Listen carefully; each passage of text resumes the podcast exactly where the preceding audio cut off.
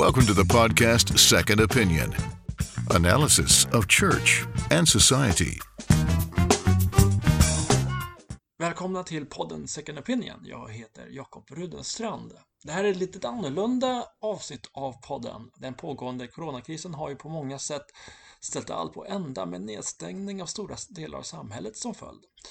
Eh, många känner en oro för eh, riskgruppers hälsa. Eh, man har även fått rekommendationer om att stanna hemma vid sjukdomssymptom och även jobbpermitteringar och uppsägningar och varsel har drabbat många medborgare i Sverige. Många, känner, många jobbar ju även hemifrån något vi på SEA även har gjort sedan en tid tillbaka just nu. Sedan så har ju många församlingar tvingats in är att tänka i nya banor på grund av restriktioner kring sammankomster eh, i större antal för att begränsa smittan. Det har ju tidigare varit så att man inte fick samla mer än 500, eh, inte får samla 500 eller mer än 500 personer. Nu har ju den eh, siffran minskat till, eh, till 50 personer eh, så att många kyrkor sänder ju nu gudstjänster via nätet och man tänker ut nya sätt att betjäna både medlemmar och sitt sammanhang på. Och eh, det här är ett ämne som vi eh, på SEA i det här poddavsnittet tänkte gräva lite, lite djupare i.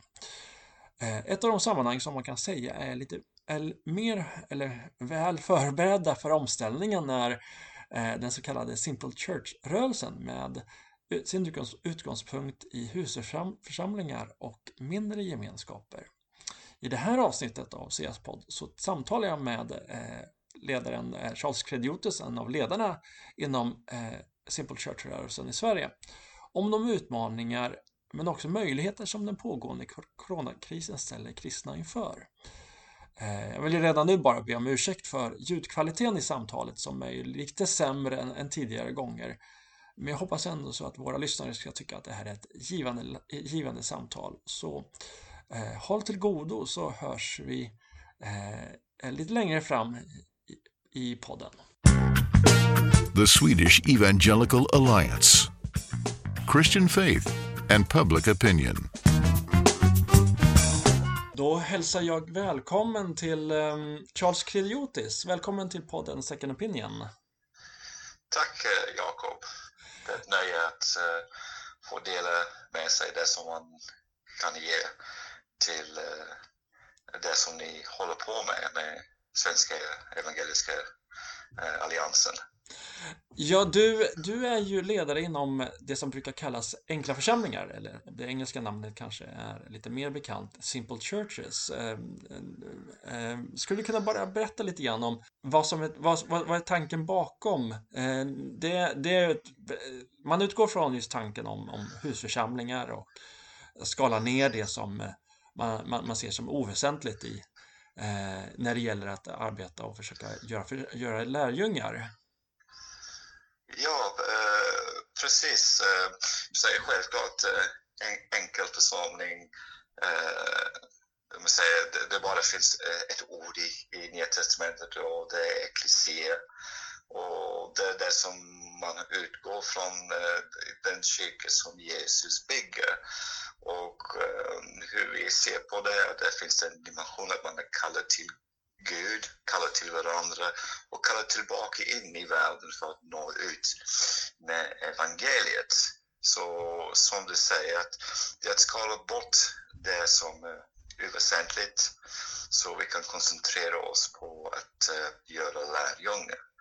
Så det handlar om att uh, Eh, se att Jesus är centrum för, för allt i livet, men att man också, det missionella är, är, är viktigast som vi ser på det. Det är ofta att man kanske sätter gemenskapen i centrum eller tillbedjan, lovsång eller även att studera ordet.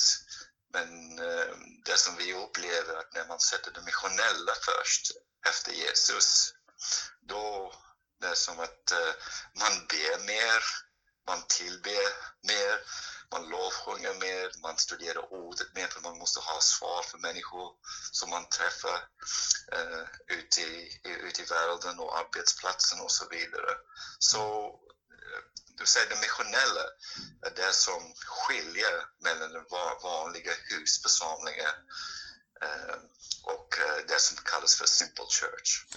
Eh, jätteintressant. Eh, men man kan ju också säga att eh, husförsamlingstänket har ju lite grann fått ett uppsving i och med den här situationen som vi befinner oss just nu i Sverige i, i samband med, med, med coronakrisen där eh, många församlingar har eh, varit tvungna att eh, Ehm, ställa in eller liksom ställa om sina eh, reguljära gudstjänster på söndagar och eh, många, många sköter det via livesändningar på nätet. Istället för att samlas i, i större gemenskaper eh, i och med, eh, först i och med att, att eh, regeringen satte liksom förbud för, för samlingar eh, vid ungefär eh, vid, vid 500 personer och det gjorde att många, många stora församlingar var tvungna att, att ställa om och eh, nu när man har minskat eh, den gränsen till 50 personer vid, vid sammankomster så har ju väldigt många mindre församlingar tvung, eh, tvingats att, att eh, göra helt nytt när det gäller deras eh, eh, arbete och deras samlingar och gudstjänster under, under veckorna. Eh, så det här har ju lite grann fått eh, eh, tvingat in församlingar att tänka väldigt mycket kring eh, Eh, enkla församlingar om man, om man nu använder det begreppet utifrån ett, ett vitt sätt. Och ehm, Eh, du skrev ju en, ett par inlägg på din Facebook lite grann om de möjligheter som, som den här situationen, den här krisen faktiskt har, eh, har, med, har medfört.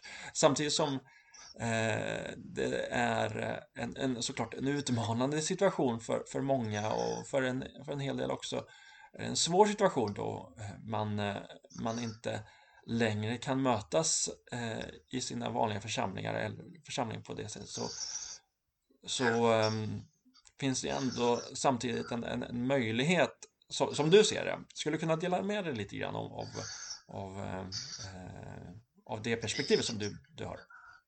Ja, eh, självklart. Jag tror att eh, de församlingar som har eh, cellgrupper eller husgrupper har lite fördel i, i det här för de redan har någon typ av struktur där folk kan eh, träffas eh, i hemmet. Men eh, jag tror också att eh, det är en tid att vi måste omvärdera Eh, vad är församling, hur gör man lärjunge och så vidare. Att människan ska vara beroende på en eh, men säga att eh, församlingsverksamhet och, och inte på något sätt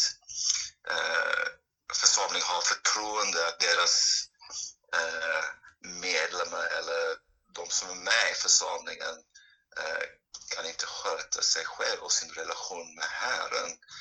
Ehm, jag tror det är lite problematiskt att tänka på det sättet. Det är inte det som vi ser i, i skrifterna och apostlagärningarna. Det, det vi ser att eh, lärjungar får Eh, näring från Herren själv och den helige Ande, men de också möter varandras behov. Eh, när de träffas, eh, alla har någonting att, att ge. Och eh, om vi inte kommer till den plats att alla kan ge någonting, om det är ett uppmuntransord eller ett bön eller ett lovsång eller ett bibelord, eh, då har vi inte gjort vårt jobb. Eh, men jag tror att de flesta har gjort sitt jobb så det är bara att lita på det som man har investerat i, eh, i församlingslivet. Att nu är det dags för, för människor att, att eh, resa sig mm. och ta ansvar för, för varandra och även för sin egen um, relation till Herren. Uh, det här på något sätt sätter allt på prov. Mm, mm. På något sätt. Och, jag tror i vår, i vår sammanhang det är som att man bara kör på som vanligt. Mm. Så själv, eh, självklart när det blir, även om det blir hårdare restriktioner, det kommer mm. påverka om man kan bara träffas två. Precis. Eller, eller fem eller, eh, eller tio. Men det finns kreativa lösningar runt omkring det så mm. man kan mm. fortsätta mm. uh, att, att, ha ett, uh, ett levande, vital relation eh, med Jesus och även med varandra och Mm. samtidigt också eh, ha möjlighet att nå ut med evangeliet eh, genom samtal, diskussion, men också goda gärningar, vänliga handlingar, att hjälpa andra människor runt omkring oss. Ehm, precis, det, det, det finns ju både liksom utmaningar men också möjligheter. I vår kultur så kretsar ju väldigt mycket kring konsumtion, materialism och, och detta kan ju påverka även, även den kristna församlingen i och med att vi eh, Eh, på, på ett eller annat sätt blir, riskerar att bli åskådare, att man blir eh, andliga konsumenter. Men det finns ju den, den möjligheten just nu att, eh, att omvärdera det som tidigare har varit och utmanas att, att ta det vidare, att själva ägna sig åt lärjungaträning, lärjungaskap och se, hur, se hur Gud kan använda varandra. Yes. När man tänker till exempel på, på ledarskap. Vad är en ledare enligt Nya Testamentet? Eh, Det är självklart en tjänare som, som, som leder, leder och en, tjänare, eh, en ledare som tjänar, eller hur? Men eh, samtidigt att vårt primära uppdrag är att utrusta de heliga för sin tjänst. Mm, mm, Inte att folk ska lyssna till min gåva, mm, eh, eh, eh, men att de utrustas att vara lärjungar som själv gör lärjungar. Så att så på, det, på det sättet det blir som en rörelse. Lärjungar till slut också blir ledare. mm. Men att man når fler och fler människor.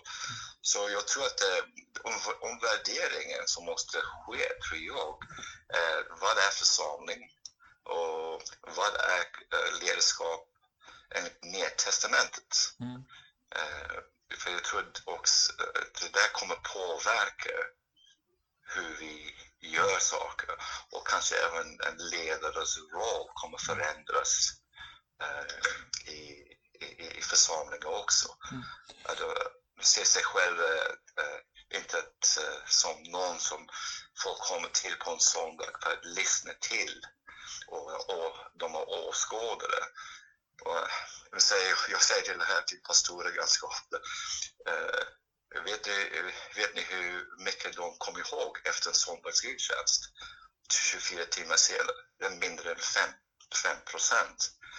Och sen när det kommer till onsdag, de bara kommer ihåg alla skämt. Eh, så att, eh, säger, det här med att göra lärjungar, det är att man det att, att förstå eh, Gud, Guds ord, det är att se att människor förvandlas och sen att den förvandling också leder till att det är utåt dimension där man delar vidare det som man, eh, som man har, har, har, har fått. Så att det här görandet eh, faktiskt, faktiskt gör alla de eh, instruktioner som Jesus ger och eh, som Paulus skriver om, det tror jag är över 40 år, till exempel bär varandras bördor, Mm. be för varandra, stödja varandra, uppmuntra varandra, även, även eh, att eh, eh, undervisa varandra Mm. finns där. Mm. Men vad händer den biten? Mm, mm. Det här lästes ju, de här orden eh, av Jesus, eh, bär varandras bördor, undervisa varandra, eh, gråt med de som gråter, besök de som finns i fängelse, eh, eh, kläd, den, kläd den nakne, eh, ta er an den faderlösa och så vidare. De lästes ju av, eh, när, när, när, när, när de här orden spreds eh, i, i, i skriven form, så var det ju till en, en församling som var eh, eh, uppdelad i flera olika geografiska områden, men också under eh, väldigt hård eh, yttre tryck eh, från den Yes. romerska myndigheten och eh, man kunde ju inte samlas man hade ju inte den friheten att kunna samlas i stora gemenskaper som vi har, har ha, idag. Eh, och under den situationen som vi befinner oss i så finns det ju väldigt mycket lärdomar därifrån att när man, man begränsas i, i rörligheten, i, i, ehm, i möjligheten att träffas eh, flera personer samtidigt, eh, så måste man ju såklart tänka nytt, precis som församling på den tiden tänkte nytt när det gällde att bära varandras bördor till exempel.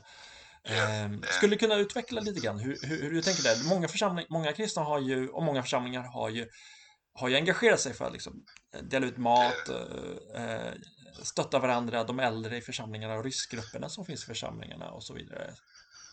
Ja. Eh, jag, jag tror det är självklart, eh, det är en, en, en viktig del att vara lärjung, att uh, man delar med sig det som man har. Och, uh, så i vårt sammanhang vi har uppmuntrat människor att ta hand om varandra och också ställa upp för, för andra i sin uh, samhälle, i sin grannområde. till exempel jag skickade några sms till, till Eh, i några i vårt eh, grannområde och även satt en lapp i en brevlåda eh, för de som är lite äldre i vår, mm. där jag bor. Och jag står till förfogande att köpa mat och hämta medicin och, och, sånt. Så det är en tid eh, för goda gärningar. Sen självklart det här med att lärjungaskap fortsätter. För, till exempel förra veckan, jag, jag gick på en promenad med en, en ny lärjung som vi hade, hade dött här i Kungsängen eh, för fyra, fem veckor sedan. Eh, i hans egen badkar och mm. eh, tog en promenad med honom och det, tid för, det var tid för, för bön, tid för att uh, samtala om Guds ord, uh, uppmuntran uh, och, och, och, så vidare. Så det finns alla de här möjligheter som man kan ta. Och än så länge att um, det inte finns alltför hårda restriktioner, säga, husförsamlingar fortsätter träffas mm. förutom de som visar symptom. Eh, eh, de fortsätter träffas, de äter tillsammans, eh, de delar sina toppar och dalar, det som har varit bra under veckan, det som har varit dåligt. Vänder alla sina toppar till tillbedjan och det som har varit negativt, man vänder det till bön och så vidare. Och det finns vittnesbörd och man delar Guds ord eh, tillsammans, läser ordet tillsammans mm. och eh, diskutera, diskutera eh, ord, samtal om, om det och hur kan vi tillämpa ordet. Så att, eh, och sen finns det självklart eh, att man uppmuntran och profetiska ord och, och så vidare som eh, sker under den tiden också. Så det finns alla typ, eh, möjligheter för att stödja varandra och självklart eh, använda Skype eller WhatsApp mm. och eh, dela Guds ord med varandra och be för varandra och bara ta en samtal med varandra. Det, det, det har mina, jag och min fru gjort eh, kanske med fyra, fem par under den här veckan. Mm. Eh, och även folk som jag känner i Finland och har ett samtal med dem. Eh, så det, det, finns alla de här möjligheterna. Men eh, jag tror att det största steg behöver man ta, det, här är en livsstil. Mm. Så, så för några av oss som rör oss i det här sammanhanget, det, det är en livsstil. Man är inte fast till en punkt i veckan där flera eh, eller många träffas för att höra någon. Det här är en del av livet som man lever som, som, som lärjung. Mm. Ja, ja, risken finns ju att en del människors andliga liv går lite grann på paus i, i, i den här situationen. Och yeah. eh, istället för att använda den här perioden och yes. se, eh, se möjligheterna. Självklart så eh, finns ju en hel del oro, det måste man ju ta på allvar i den här, i de här, i den här situationen. Men eh, det finns ju också, som vi har varit inne på, möjligheter att söka Gud under den här perioden och se yes. vad som, och börja liksom ett helt nytt, ett helt nytt liv, livsstil. Ja, det, du har helt rätt Jakob. Det här är en tid där man kan vara proaktivt. Det är en tid för att fördjupa Eh, sin relation till Herren. Folk har mycket mer tid än de hade förr.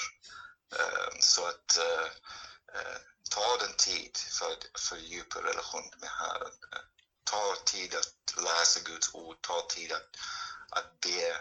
Och min nästa post som jag ska skriva på Facebook handlar om från Apostlagärningarna 13 till 14. Det, det finns vad jag kallar för en rörelsespiral. Och den första steget är faktiskt bön. Andra steget är att plantera evangeliet och sen göra lärjungar, sen etablera församlingar, sen utse ledare, träna ledare. Men den första steget är bön. Och jag tror att det finns så eh, stor möjlighet för att fördjupa relationen till Herren och gå in i bön. För vad, vad vill Gud med mitt liv?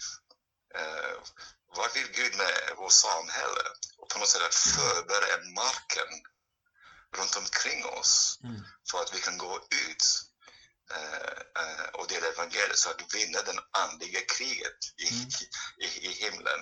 Och sen när tiden är, eh, den här tiden är över med coronaviruset, mm. vi vet inte hur länge det kommer och då, då finns det möjlighet att gå in Eh, och, och dela evangeliet med människor på kanske en starkare sätt. Mm, mm, det här, mm. Jag tror att det här kan bli en fantastisk möjlighet för människor att uppleva Herren som de har aldrig upplevt Herren. Mm. Jag, eh, det är intressant att du, att du just eh, kommer in på just ämnet bön. Jag, jag såg precis tidigare idag en, en, en undersökning där man hade eh, eh, kollat statistik i Google på antalet sökträffar på just ämnet bön och använt då engelskans prayer. Och eh, det hade visst, eh, det hade visst gått upp en hel del eh, de sökträffarna och jag sök, gjorde en enkel sökning på Google Trends eh, där eh, nu vet jag inte om, om jag gjorde det korrekt såklart men det verkar som att begreppet bön eller sökordet bön har har ökat i, i antal träffar eh, den senaste månaden. En, en, en, intressant fingervisning om att eh, det kanske är så att en, en hel del i vårt samhälle, även icke-kristna sekulära svenskar, intresserar sig för bön i den här situationen och eh, alla, i alla kriser så då, då verkar det vara som att många vänder sig till eh, de traditionella institutionerna. Eh, en del eh, rör sig tillbaka till, till familjen, en del till kyrkan och en del söker Gud kanske under den här eh, situationen. Ja, ja det, det låter jättepositivt.